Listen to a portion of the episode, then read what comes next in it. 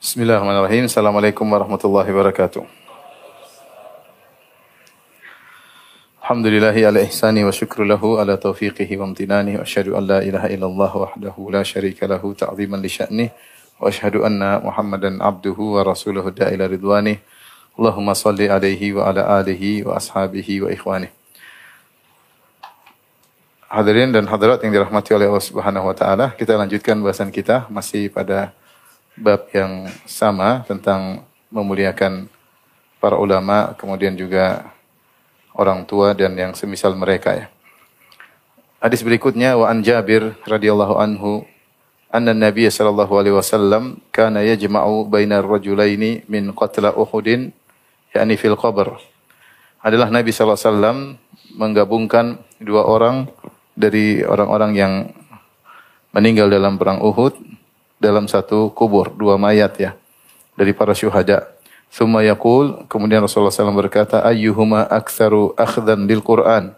Siapakah di antara dua orang ini yang lebih banyak mengambil Al-Quran itu banyak menghafal Al-Quran. Fa idza usyira lahu ila ahadihima qaddamahu fil lahad. Kalau ternyata diisyaratkan kepada salah seorang dari keduanya, maka dia itulah yang lebih dahulukan untuk dimasukkan ke dalam liang lahat. Rahu Al-Bukhari. Hadis riwayat Al-Imam Al-Bukhari. Hadis ini menjelaskan bahwasanya uh, dalam kondisi uh, darurat seperti perang Uhud, maka diperbolehkan satu lubang kuburan dikuburkan lebih dari satu mayat, dua atau tiga atau lebih kalau memang kondisi mengharuskan demikian. Namun pada asalnya para fuqaha mengatakan satu kembali kepada hukum asal, satu lubang untuk satu jasad ya. Satu lubang untuk satu jasad kecuali kalau sudah lama kemudian ditumpuk sudah hilang bekasnya. Tapi kalau langsung dikuburkan berbarengan maka tidak boleh kecuali darurat. Seperti banyaknya yang meninggal misalnya karena uh, ada bencana alam, karena banjir atau karena ada wabah sehingga sulit untuk menguburkan satu-satu dan boleh dikuburkan secara uh, bersama-sama. Seperti yang dialami oleh para sahabat dalam perang Uhud, karena yang meninggal cukup banyak, kemudian para sahabat juga letih dalam menggali lubang, ya maka mereka menguburkan dua atau tiga dalam satu uh, liang lahat. Dan Nabi SAW ketika dua orang hendak dikuburkan, Nabi bertanya, siapa ayuhuma aktsaru akhdan lil Qur'an? Siapakah di antara dua jasad ini yang lebih banyak menghafal Quran? Jika ditunjuk si fulan maka dialah yang didahulukan untuk dimasukkan dalam liang lahat. Di sini Nabi memuliakan orang-orang uh, yang menghafal Quran lebih dari yang tidak menghafal Al-Quran. Dan demikianlah uh, Allah memuliakan orang-orang yang perhatian terhadap Al-Quran. Kata Nabi SAW, khairukum man ta'allama al-Qur'ana wa 'allamahu. Sebaik-baik kalian adalah yang belajar Al-Quran dan mengajarkannya dan semua yang uh, terkait dengan Al-Quran maka akan dimuliakan oleh Allah Subhanahu Wa Taala. Oleh karena para Allah menyebutkan Al-Quran turun di bulan Ramadan dan itulah bulan yang termulia. Al-Quran turun di kota Mekah maka itulah kota yang paling dicintai oleh Allah Subhanahu Wa Taala. Al-Quran turun di malam Lailatul Qadar maka itu malam yang terbaik. Al-Quran turun kepada Nabi Muhammad SAW maka dia menjadi Nabi yang uh, terbaik. Demikian orang yang belajar Al-Quran adalah orang yang terbaik di sisi Allah Subhanahu wa taala. Maka semakin seorang uh, terikat dengan Al-Quran, baik membacanya, menghafalnya, memahami tafsirnya, maka dia akan menjadi mulia di sisi Allah Subhanahu wa taala. Sungguh celaka orang-orang yang jauh dari Al-Quran, menghabiskan waktunya, umurnya untuk membaca segala berita, ya, berita dunia, uh, dan dia lupa untuk baca berita akhirat dalam Al-Quran. Maka jangan sampai hari-hari kita terlewatkan tanpa membaca Al-Quran. Karena semakin orang punya keterikatan dengan Al-Quran, maka dia akan semakin mulia di sisi Allah Subhanahu wa taala. Dimuliakan di dunia, dimuliakan ketika dikubur, dimuliakan di alam barzakh dan dimuliakan ketika dibangkitkan. Maka Quran adalah kitab kebahagiaan yang Allah turunkan kepada kita, maka harus setiap hari kita ada kesempatan untuk membaca dan menelaah Al-Quran, bacanya dan berusaha untuk memahaminya. Dalam hadis ini eh, Rasulullah SAW memuliakan orang yang eh, lebih memahami Al-Quran, menghafal Al-Quran daripada yang tidak. Dua-duanya hafal Al-Quran, tapi Rasulullah SAW bertanya, atau sama-sama punya hafalan, Rasulullah SAW bertanya, ayyuhuma aktsaru akhdan lil Quran. Siapa di antara keduanya yang paling banyak hafalan? Maka dikatakan si fulan, maka dia didahulukan untuk dikuburkan. Taib, uh, hadis berikutnya uh, an Ibnu Umar radhiyallahu anhuma dari sahabat Ibnu Umar radhiyallahu anhuma anna Nabi sallallahu alaihi wasallam qaal Rasulullah SAW bersabda arani fil manami atasawwaku bisiwakin aku diperlihatkan dalam mimpi bahwasanya aku sedang bersiwak dengan sebuah siwak. Faja'ani rajulani ahaduhuma akbaru minal akhar. Lalu datanglah dua orang kepadaku dalam mimpi tersebut. Salah satunya lebih tua daripada yang lain. Fanawaltu siwaka al asghar. Maka aku berikan siwaku atau aku berikan siwak kepada yang lebih muda. Faqila li, maka dikatakan kepadaku, kabbir. Berikan yang lebih tua terlebih dahulu. Fadafa'tu ilal akbar minhuma. Maka aku pun um, menyerahkan siwak yang tadi saya mau kasih pada yang muda tidak jadi. Lalu saya serahkan kepada yang lebih tua. Rawahu muslimun musnadan diriwayatkan Imam Muslim secara musnad yaitu dengan sanatnya. Wal Bukhari ta'liqan ada pun Imam Bukhari meriwayatkan secara hadis muallak. Uh, ini hadis ya menjelaskan bahwasanya uh, mendahulukan yang tua dari sisi umur daripada yang lebih lebih muda. Yang tua lebih utama untuk dimuliakan daripada yang lebih muda jika ditinjau dari sisi umur. Dan kita tahu mimpi para nabi adalah wahyu. Mimpi para nabi adalah wahyu. Dan ketika Nabi mengatakan dia bermimpi dengan mimpi ini, maka ini adalah wahyu dari Allah Subhanahu wa taala sebagai isyarat bahwasanya orang yang lebih tua lebih utama untuk dimuliakan daripada yang lebih lebih muda ya. Karena ketika Nabi SAW hendak menyerahkan siwa kepada yang lebih muda, maka ditegur. Dikatakan kepada Nabi, kabir, yang lebih tua terlebih dahulu. Dan uh, Nabi menyerahkan siwak menunjukkan pemuliaan. Karena di antara sunnah yang disukai, yang disukai oleh Nabi SAW adalah apa? Bersiwak. Ya. Ketika Rasulullah SAW memberikan sesuatu yang baik, maka yang lebih tua lebih didahulukan. Dan ini adalah sunnah Nabi Shallallahu Alaihi Wasallam. Taib hadis berikutnya An Abi Musa Al-Asy'ari radhiyallahu taala anhu qala dari sahabat Abu Musa Al-Asy'ari radhiyallahu taala anhu yaitu uh, beliau berkata qala Rasulullah sallallahu alaihi wasallam Rasulullah sallallahu bersabda inna min ijlalillahi taala di antara bentuk pengagungan terhadap Allah Subhanahu wa taala ikramati syaibatil muslim yaitu memuliakan orang yang sudah tua yang muslim ya yang sudah tua yang muslim. Wa hamilal Qur'ani ghairil ghali fihi wal jafi anhu dan juga memuliakan orang yang menghafal Quran yang tidak berlebih-lebihan dan tidak kaku terhadap Al-Quran. Wa ikramati sultanil muqsit dan di antaranya adalah memuliakan penguasa yang adil. Hadithun hasan hadis yang hasan. Riwayat Al-Imam Abu Dawud. Saya ulangi, Rasulullah SAW bersabda, beliau menyebutkan tiga bentuk pengagungan terhadap Allah. Inna min ijlalillahi ta'ala. Di antara bentuk pengagungan terhadap Allah. Artinya jika kamu melakukan salah satu dari tiga perkara ini berarti engkau telah mengagungkan Allah. Karena Allah yang perintahkan hal tersebut. Apa tiga perkara tadi? Yang pertama, ikramati syaibatil muslim. Memuliakan orang yang tua yang muslim. Kalau orang tua, ya rambutnya udah putih, dan dia seorang muslim, maka muliakan dia. Muliakan dia dengan berbagai macam bentuk kemuliaan yang mungkin kau lakukan. Yang penting dia merasa di, dimuliakan. Meskipun dia tidak minta dimuliakan, kita muliakan. Karena kalau kita muliakan dia, dia seorang tua muslim, maka kita mengagungkan siapa? Allah subhanahu wa ta'ala. Allah yang perintah. Yang kedua, memuliakan yang hafal Quran. Dengan syarat, ghairul ghali fihi, tidak berlebih-lebihan, dan tidak wal jafi anhu, dan juga tidak kaku. Tidak berlebih-lebihan maksudnya, para ulama menyebutkan tidak berlebih-lebihan dalam membacanya sehingga melewati batas makhraj yang benar, terlalu berlebihan eh, dan juga tidak berlebihan mencari mutasyabihat dalam Al-Qur'an ya. Eh, berlebihan menafsirkan dengan tafsiran yang menyimpang. Ada yang seperti ini maka bukan yang dimaksud untuk dimuliakan atau al-jafi anhu uh, hafal Quran tapi dia kering terhadap Al-Quran, kaku terhadap Al-Quran, tidak mengamalkan apa? Al-Quran. Karena kita tahu tidak semua penghafal Al-Quran mengamalkan Al-Quran. Ya.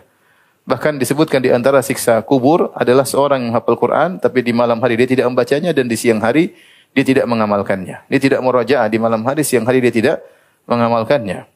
Makanya kita dapati sebagian orang yang menghafal Quran jauh daripada adab-adab Islami. Jauh daripada adab-adab Islami. Al-Quran hanya dijadikan sebagai sarana untuk meraih dunia tanpa ada pengamalan, tanpa ada penghayatan ya. Sampai disebutkan dalam satu di suatu negara ada seorang ahli baca Quran uh, dia tampil ketika ada konser nyanyi seorang biduan wanita ya. Sebelum sang biduan wanita membuka konsernya, dia jadi mukaddimah terlebih dahulu ya. Bayangkan mukaddimah misalnya mukaddimah dangdutan kan enggak enggak enggak layak ya. Enggak layak ya. Al-Quran bukan untuk seperti seperti itu, bukan untuk sebagai mukaddimah suatu maksiat kepada Allah Subhanahu wa taala. Al-Quran dibaca untuk difahami, untuk diamalkan. Oleh karena tidak semua penghafal Quran kemudian kita muliakan. Ada penghafal Quran tidak perlu dimuliakan. Ya Rasulullah mengatakan eh, di antara bentuk memuliakan Allah adalah memuliakan penghafal Quran yang tidak berlebihan dan juga tidak kurang, tapi yang mengamalkan Al-Quran sebagaimana mestinya, eh, membaca Al-Quran sebagaimana mestinya, itu yang kita muliakan sebagaimana Nabi SAW memuliakan para penghafal Al-Quran. Oleh karena peringatan bagi para penghafal Al-Quran agar mereka mengamalkan apa yang telah Allah karuniakan kepada mereka, ya, karena Al-Quran adalah untuk diamalkan, bukan cuma untuk dibaca. Kata Fudail bin Iyad, rahimahullahu taala, unzilal Quran liyu'mala bih, sungguhnya Al-Quran diturunkan untuk diamalkan, fattakhadan nasu qira'atahu amala. Maka sebagian orang ya menjadikan Al-Quran amalnya dengan dibaca saja. Mereka merasa kalau sudah baca ya maka seakan-akan dia sudah mengamalkan Al-Quran. Sampai ada dikatakan kepada seorang salaf, kalau tidak salah Salaf Basri, ada seorang bangga, saya telah baca Al-Quran dan tidak satu huruf pun yang saya yang saya jatuhkan. Artinya dia baca dengan tajwid dengan sempurna. Namun dia tidak mengamalkan Al-Quran. Maka salaf seorang ulama tersebut mengatakan, Bala waqad wallahi laqad asqata kulla syai'. Ya. Bahkan dia telah menjatuhkan seluruh al Al-Quran dengan hanya menjadikan Al-Quran hiasan bibir tidak diamalkan. Bukankah Rasulullah SAW mencela khawarij karena hanya pandai membaca? Kata Nabi SAW, Yaqra'una Al-Quran la yujawizu taraqiyahum. Mereka baca Al-Quran namun tidak melebihi uh, tenggorokan mereka. Artinya mereka baca senandung, indah, tapi tidak sampai ke dalam apa? Dada. Tidak dipahami dan tidak diamalkan. Maka Al-Quran itu menjadi indah jika dibaca dan diamalkan. Ya. Uh, beberapa waktu lalu ada seorang guru dari bukan dari Indonesia dari luar negeri datang kemudian main ke rumah dia mengeluhkan tentang uh, fenomena yang dia dapati di negerinya artinya orang banyak lomba-lomba baca Quran tapi sekedar lomba-lomba doang itu selesai tidak merajaah jadi bangga-banggaan berapa juz tapi tidak memperhatikan tentang kandungan apa? Al-Qur'an. Ada fenomena yang dilihat dia pengajar Quran sudah 20 tahun kalau tidak salah. Dia menyedihkan satu fenomena yang dia lihat orang baru baca Al-Qur'an tapi tidak perhatian terhadap kandungannya, apalagi apa? amalannya. Hanya fokus utama tajwid, tajwid dan tajwid. Ya. Setelah dia mengajar Quran 20 tahun lebih, dia datang ke rumah ngobrol sama saya, lulusan lulusan Ummul Qura. Maka kita berharap di tanah air tidak demikian.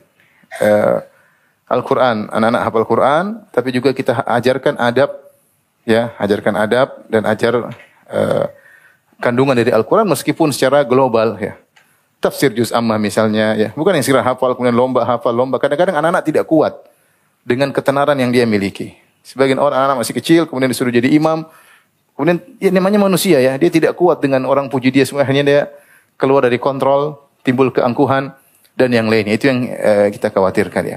Oleh karenanya, uh, bagaimana para sahabat dulu mereka hafal Quran sekaligus memahaminya sekaligus apa? mengamalkannya. Maka uh, bagi para guru tahfidz atau sekolah-sekolah tahfidz perhatikan hal ini. Ya, jangan sampai mengalami penyesalan sebagaimana yang dialami oleh sang guru yang datang ke rumah saya ngobrol dengan dia ya. Ya, akhirnya Quran itu hanyalah sekedar bangga-banggaan uh, di antara para orang tua, anak saya sudah hafal sekian, hafal sekian kemudian tanpa ada perhatian terhadap uh, makna dan adab-adabnya. Yang penting tajwidnya bagus, dapat sanat misalnya, itu semua penting. Tapi tajwid, hafalan sanat itu tahap awal agar mempermudah seorang untuk bisa memahami dan bisa me mengamalkan. Dia bukan tujuan utama. Ingat kata Fudal bin Iyad rahimahullah ta'ala, unzilal unzilal Qur'anu liyu'mana bih. Sungguhnya Al-Qur'an diturunkan untuk diamalkan. Fattakhadhan nasu qira'atahu amala. Sebagian orang menjadikan baca Al-Quran sebagai bentuk amalan. Padahal baca Al-Quran bukan amalan, tapi dia sarana untuk apa? Beramal. Maka di sini hati-hati ada seorang orang baca Al-Quran berlebih-lebihan, ya, dan ada orang yang baca Al-Quran namun tidak dipedulikan Al-Quran tersebut. Yang ketiga, wa ikramazis sultanil muqsid di antara bentuk memuliakan Allah, mengagungkan Allah adalah memuliakan pemimpin yang adil. Kalau kita dapat pemimpin yang adil, kita muliakan dia.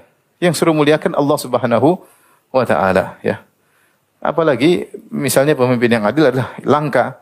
Tidak berarti pemimpin yang adil. Punya tidak adil tidak seperti Umar bin Khattab ya. Jangan berharap maksudnya saya ingin punya pemimpin seperti siapa? Umar bin Khattab. Ya, ketika ada sebagian orang protes terhadap Utsman pada salah Ali kalau tidak salah, kemudian mengatakan lihat Utsman begini begini begini begini ya. Intinya jawabannya apa namanya? Kalau tidak seperti Umar, tidak seperti Abu Bakar ya. Maka di antara jawaban, kalau tidak salah Ali bin Abi Thalib, zaman Abu Bakar dan uh, Umar, ya, atau dia protes kepada Ali, saya lupa. Intinya Ali bin Abi Thalib mengatakan di zaman Abu Bakar, Umar, uh, rakyatnya para sahabat. Di zaman Utsman atau di zaman Ali, saya lupa, rakyatnya seperti antum-antum ini. seperti kamu rakyatnya, makanya makanya begini. Artinya kita kadang berhayal punya pemimpin seperti Umar bin Khattab. Kita saja modelnya seperti ini ya. Artinya kita tahu diri, jangan berhayal, berhayal punya pemimpin yang super adil. Kita saja semerawut dalam ber, beragama. Oleh karena kalau ada pemimpin yang adil, mungkin tidak sempurna keadilannya. Kita hargai ya. Kita hargai, kita muliakan. Ya itulah pemimpin yang terbaik misalnya yang yang ada tingkatan apa pun. Apa dia RT, apakah dia RW, ataukah dia camat dan seterusnya, bupati dan seterusnya, kalau nampak keadilan pada dirinya, maka kita muliakan sebagai bentuk pengagungan terhadap Allah Subhanahu wa taala. Tidak ada yang sempurna, tidak ada yang sempurna ya. Apalagi zaman sekarang dengan rakyatnya model model kita-kita ini. Taib.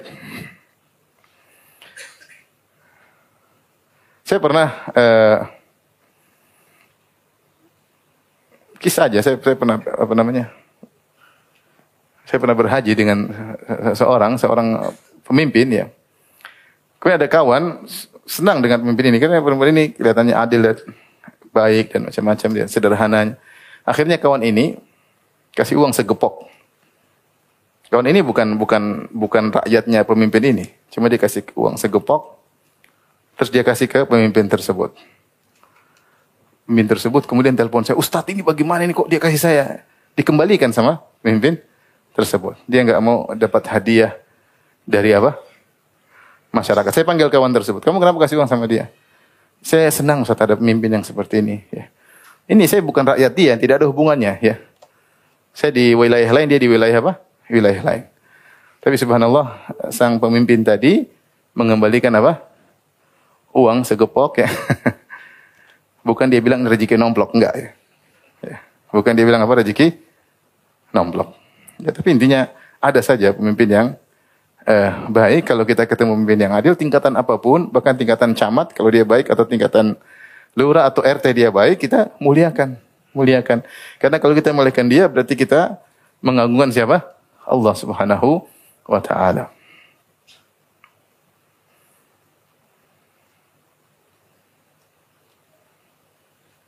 Mau tahu siapa orang tersebut? Nanti dikira kampanye. Nggak usah tahu ya, jangan kepo. Sudahlah, pokoknya dengar aja. Taib.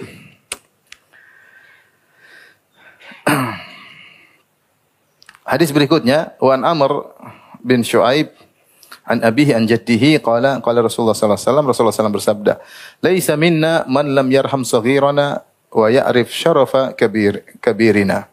Hadithun sahihun rawahu Abu Dawud Tirmidzi wa qala Tirmidzi hadithun hasanun sahih bukan dari golongan kami orang yang tidak merahmati, tidak sayang kepada yang orang-orang kecil, anak-anak kecil, yang lebih muda dan tidak mengerti kemu, ke, ke, tentang kemuliaan yang tua.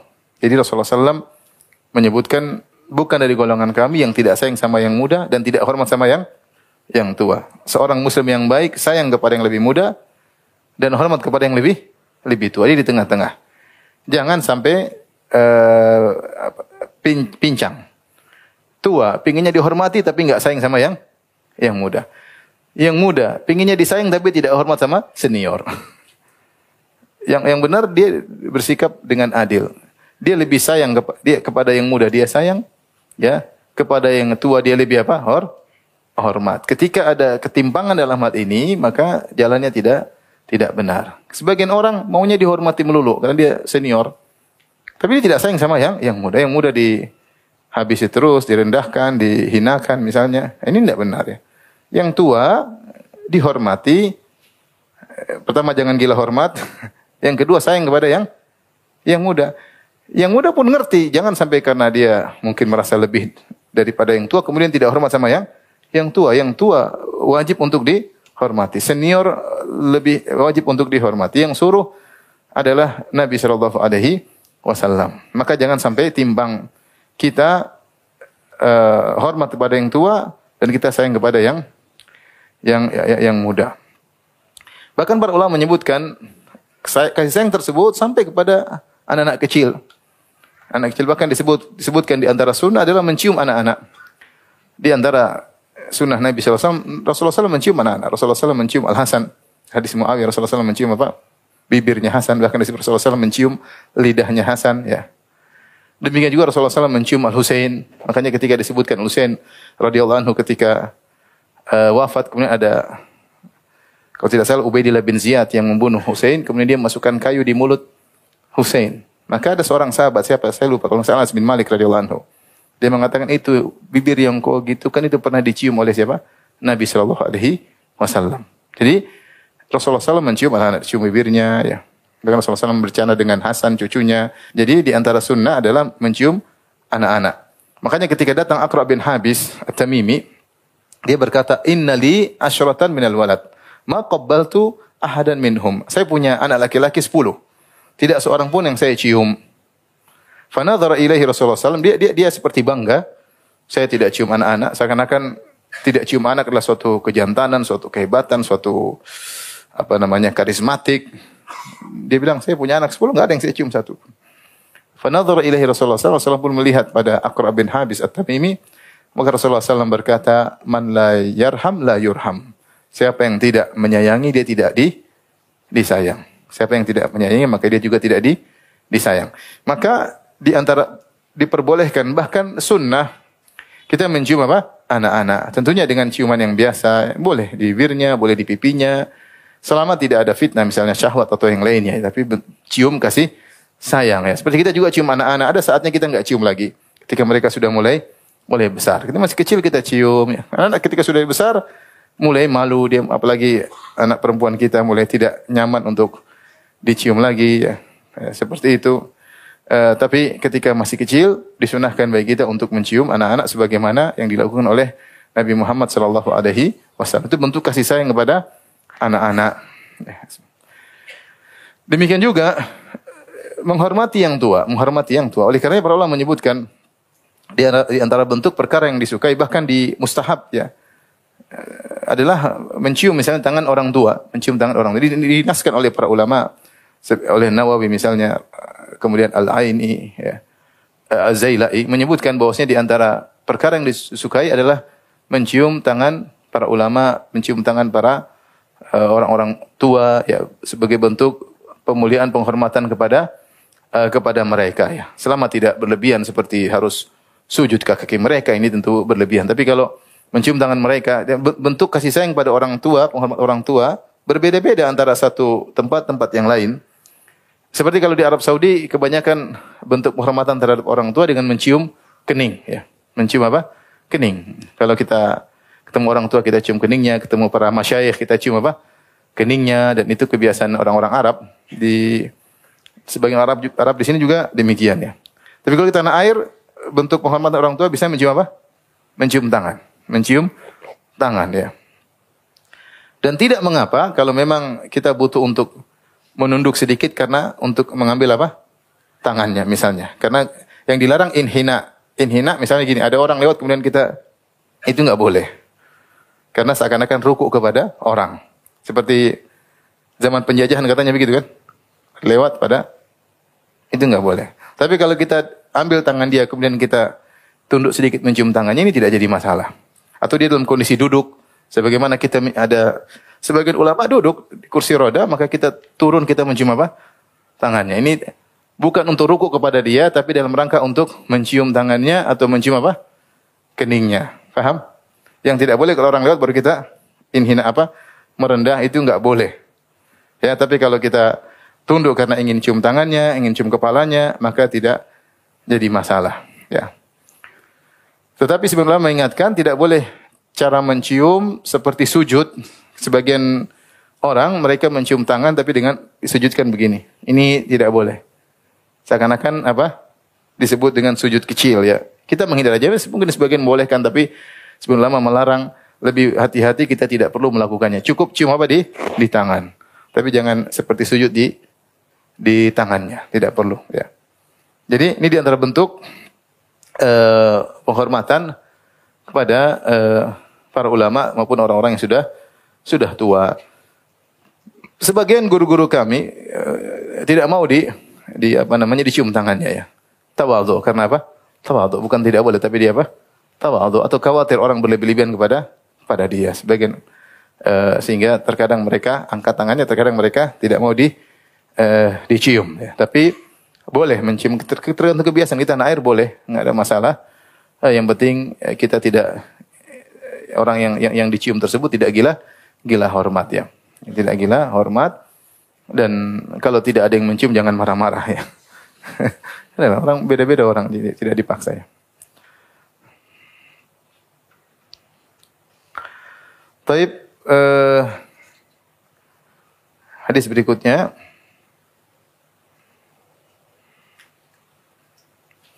Wa an Maimun bin Abi Syabib an Aisyah radhiyallahu taala anha marra biha sa'il. Dari Maimun bin Abi Syabib bahwasanya Aisyah radhiyallahu anha ada seorang yang melewati Aisyah minta-minta. Fa'atathu kisrah, maka Aisyah pun memberikan sepotong roti kepada peminta tersebut. Peminta-minta tersebut. Wa marra biha rajulun alaihi thiyabun wa hay'ah. Kemudian ada seorang lewat Eh, pakai baju yang yang, yang menunjukkan orang ini berkedudukan ya maka fa'aqadatu maka Rasulullah Aisyah mempersilahkan dia untuk duduk kemudian diberikan makan fa'akala sebagai bentuk penghormatan maka ada yang bertanya faqila laha fi dhalik kok begitu Aisyah ketika tadi awal ada yang minta-minta kamu hanya sekedar kasih roti yang satu kau suruh duduk kemudian kau beri makan seperti ada bentuk penghormatan Faqalat maka Aisyah radhiyallahu anha berkata, qala Rasulullah sallallahu alaihi wasallam Rasulullah sallallahu bersabda, anzilun nasa manazilahum. Dudukanlah manusia sesuai dengan kedudukan apa? Mereka. Rawahu Abu Dawud. Hadis riwayat Abu Dawud walakin qala Maimun lam yudrik Aisyah. Tapi kata Abu Dawud rahimahullahu taala Maimun bin Abi Syabib tidak bertemu dengan Aisyah. Artinya sanatnya ada terputus. Hadisnya dari Maimun dari Aisyah. Sementara Maimun tidak bertemu dengan apa? Aisyah. Berarti sanatnya ada yang terputus, ada rawi yang dijatuhkan. Itu dhaif. Sanadnya apa? Dhaif karena terputus, munqati. Ada ada ada karena rawi satu rawi yang satu yang di atasnya tidak saling ber, bertemu sehingga terputus. Wa kadzakara Muslimun fi awali sahihihi dan Imam Muslim menyebut hadis ini di awal sahihnya ta'liqan dengan hadis muallaq. Hadis muallaq itu ada sanad yang dihapuskan. Faqala wa dzukira an Aisyah radhiyallahu anha beliau berkata dan disebutkan dari Aisyah radhiyallahu anha qalat bahwasanya Aisyah berkata amarana Rasulullah sallallahu alaihi wasallam an nunazzilan nasa manazilahum Rasulullah SAW merintahkan kami untuk meletakkan manusia sesuai dengan apa mensikapi manusia sesuai dengan kedudukan mereka. Wa dzakarahu al-Hakim Abu Abdullah fi kitab Ma'rifat Ulumul Hadis wa qala huwa haditsun sahih. Dan Al-Hakim menyebutkan hadis ini dalam kitabnya Ma'rifat Ulumil Hadis dan beliau berkata hadisnya sahih. Ini hadis dipersilakan oleh para para ulama, ya. Ada yang mengatakan hadisnya dhaif, ada yang mengatakan hadisnya sahih. Tapi maknanya benar ya. Bahwasanya Rasulullah SAW bersabda, "Anzilun nasa manhazilam." Sikapi manusia sesuai dengan kedudukan mereka. Aisyah ketika orang ini minta-minta, bagi dia dikasih sepotong roti sudah bentuk apa? Eh, pemuliaan. Artinya cukup bagi dia ya. Adapun yang ini tentunya beda. Ini orang mulia maka disikapi dengan ber, berbeda ya, sesuai dengan kedudukannya ya, sesuai dengan apa? kedudukannya ya. Sehingga kita tidak boleh menyamaratakan semua orang ya. Tidak boleh menyamaratakan, menyamaratakan semua orang. Yang ini disikapi demikian, yang ini sikapi dengan sikap yang berbeda sesuai dengan kedudukan uh, kedudukan uh, mereka ya. Rasulullah SAW saja ketika menulis surat kepada Heraklius, beliau menulis ila Herakl azimir Rum kepada Heraklius pembesar Romawi. Karena dia diagungkan oleh orang-orang Romawi. Dia sebutkan kedudukannya ya, ila Herakl kepada Heraklius pembesar apa? Uh, Romawi. Ini menunjukkan Rasulullah SAW menempatkan sesuai dengan kedudukan uh, seorang. Demikian orang yang berbeda-beda. Ada yang uh, punya jasa besar terhadap Islam, ya, artinya dia banyak berjasa kepada kaum muslimin, maka dia di, dimuliakan. Tidak disamakan dengan yang yang lainnya, tidak disamakan dengan yang yang lainnya. Ya.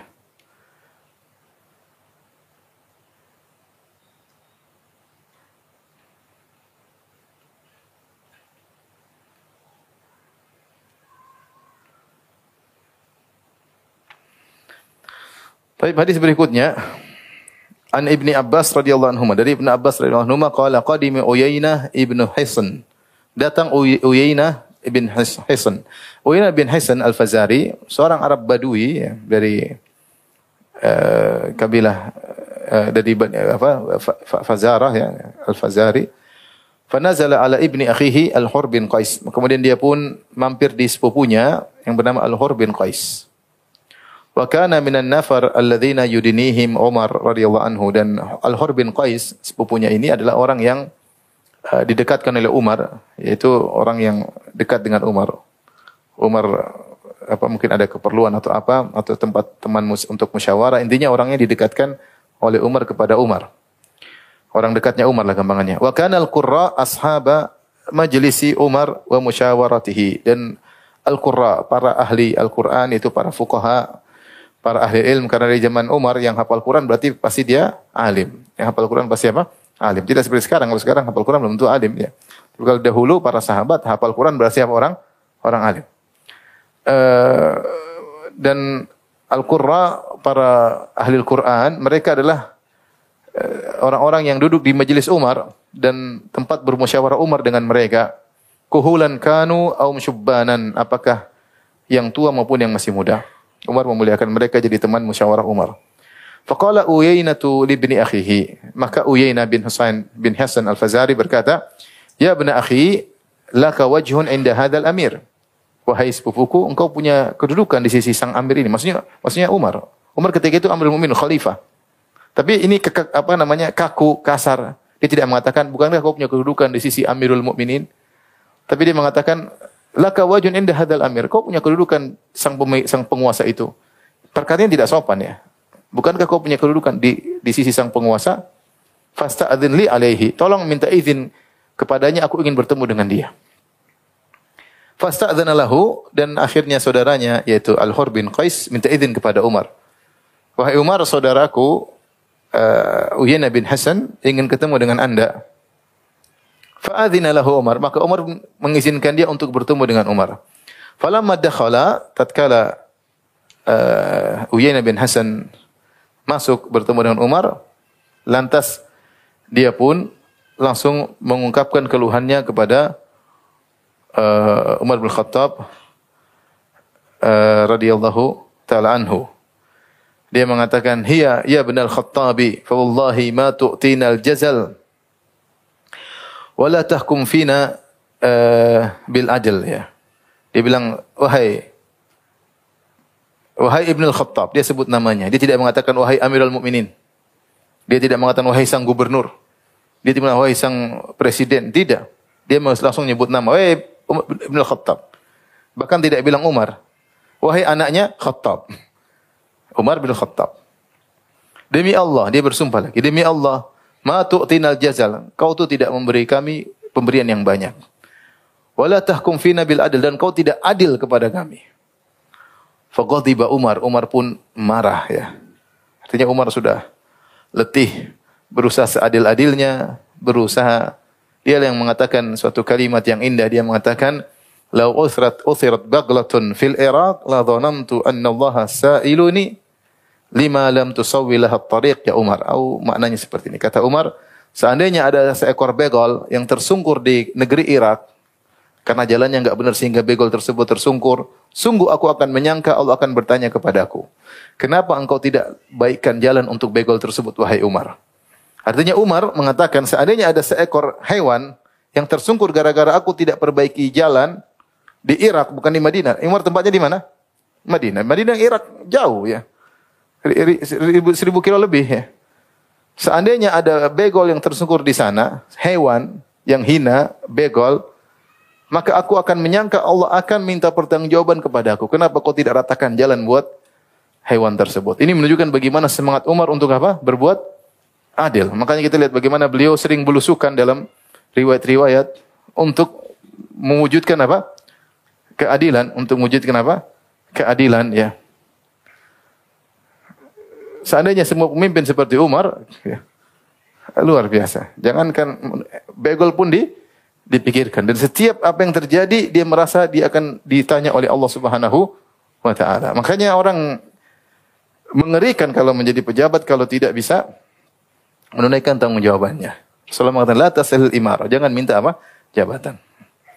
Karena kalau tidak bisa dikerjakan, maka Khizyun yaumal qiyamati wa nadama. Hanyalah kehinaan dan penyesalan pada hari kiamat. Mengerikan ya. Kemudian jadi eh, pejabat, tidak menjalankan tugas, makan harta rakyat, hidup dari harta rakyat. Kemudian dia tidak menjalankan tugas sebagai pejabat yang baik, hanya menyenangkan dirinya saja, tidak perhatian sama masyarakat. Maka dia akan binasa pada hari kiamat. Dia akan hina dan hanya penyesalan yang dia dapatkan. Ya. Makanya Rasulullah SAW mengatakan ya uh, tentang orang-orang yang uh, yakhuduna bi malillahi bi ghairi haqqin falahumun naru yaumal qiyamah. Sungguhnya orang-orang yang mengolah harta eh, masyarakat dengan cara yang tidak benar ya, maka bagi mereka neraka pada hari kiamat kelak ya. Artinya maksud saya, saya ingin menjelaskan Umar ini berusaha untuk seadil-adilnya. Terus ada orang Badui datang bilang, "Hai Umar, engkau tidak adil. Terus engkau tidak kasih kami jatah yang banyak." Umar manusiawi, dia pun marah. Faqul tiba Umar radhiyallahu anhu Umar pun marah wa hatta hamma an yuqi abihi. Bahkan Umar ingin mungkin menghukum orang ini ya. Faqala Hur, maka Al-Hur tadi saudari sepupunya berkata, "Ya Amirul Mukminin, wahai Amirul Mukminin, inna Allah Ta'ala qala li Sungguhnya Allah berkata kepada nabinya, "Khudil afwa wa'mur bil urfi wa anil jahilin." Maafkanlah dan laku perintahlah kepada kebaikan dan berpaling dari orang-orang jahil. Wa inna hadza minal jahilin. Ini orang jahil ya Umar, enggak usah digubrisin. Ini orang jahil. Wallahi ma jawazaha Umar. Demi Allah kata Ibn Abbas, Umar tidak melewati ayat tersebut sama sekali. Hina talaha alaihi ketika dibacakan kepada beliau ayat tersebut. Sudah. Wa kana waqafan inda kitabillahi ta'ala. Dan Umar terkenal kalau disebut ayat dia langsung tunduk. Dia langsung apa?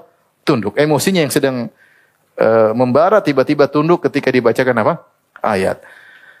Hadis ini dibawakan tentang bagaimana harusnya kita menghormati orang sesuai dengan kedudukannya. Seperti Umar harusnya dihormati atau tidak? Harusnya dihormati harusnya di, dihormati. Orang Umar bin Khattab, sahabat Nabi SAW, pejuang luar biasa betapa banyak jasanya. Kejayaan Islam diraih di zaman Umar. Rasulullah SAW memuji Umar. Terlalu banyak. Kemudian datang orang mencela Umar, orangnya tidak tidak pantas. Tapi kita juga bisa mengambil dari hadis ini, anzilun nas manazilahum. Ya, tempat sesu, apa sikap manusia dengan kudu, kedudukannya. Ini orang jahil sudah nggak usah di, digubrisi. Kalau dia bukan orang jahil mungkin perlu dis, diskusi. Ini orang jahil nggak usah didiskusi. Wa a'rid anil jahilin, berpaling dari orang-orang jahil. Jadi kalau Anda berhadapan orang jahil, Anda jangan ikut-ikut jahil ya. Ya. Anda berhadapan orang gila, jangan ikut-ikut apa? Gila ya. Seperti kata orang yang yang yang waras apa? Ngalah ya. Jangan ikut-ikut apa? Gila. Dan betapa banyak orang jahil kita hadapi di medsos. Nanti kalau gubrisi ente juga jahil seperti seperti dia. Terapkan firman Allah wa a'rid anil jahilin. Berpengaruh dari orang-orang jahil.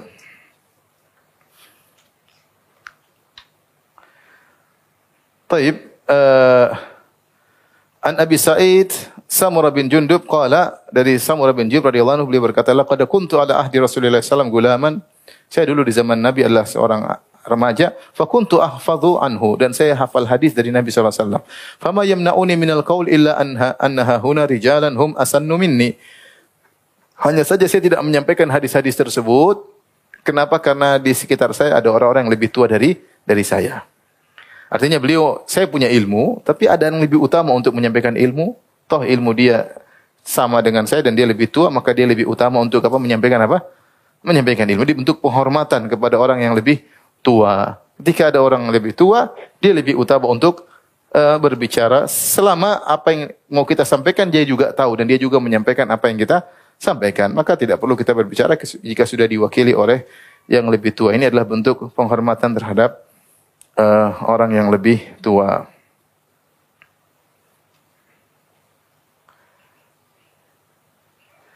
Kemudian hadis berikutnya an Anas radhiyallahu anhu qala qala Rasulullah sallallahu alaihi wasallam Rasulullah SAW bersabda ma akthra ma ma akrama syabun syaikhan li sinnihi illa qayyadallahu lahu man yukrimuhu inda sinnihi tidak seorang pemuda pun yang memuliakan orang yang sudah tua karena tuanya orang tersebut dia muliakan kecuali Allah akan memudahkan orang yang akan memuliakan dia nanti kalau dia sudah sudah tua.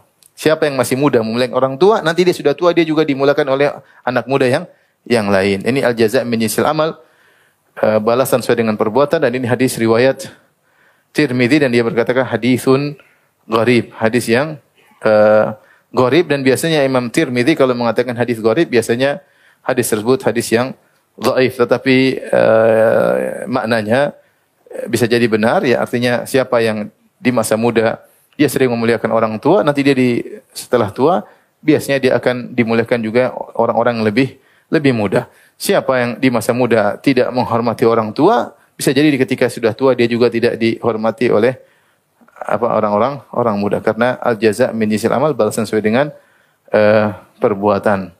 Inilah ikhwan dan akhwat yang Allah Subhanahu wa taala bab yang sudah kita sampaikan insyaallah pada pertemuan berikutnya kita masuk pada bab berikutnya tentang ziarah kepada mengunjungi ahlul khair. Mungkin sampai sini aja kajian kita. Mohon maaf banyak pertanyaan tidak bisa saya jawab. Kita lanjutkan insyaallah pekan depan. Subhanakallah bihamdik asyhadu an la ilaha anta. Assalamualaikum warahmatullahi wabarakatuh.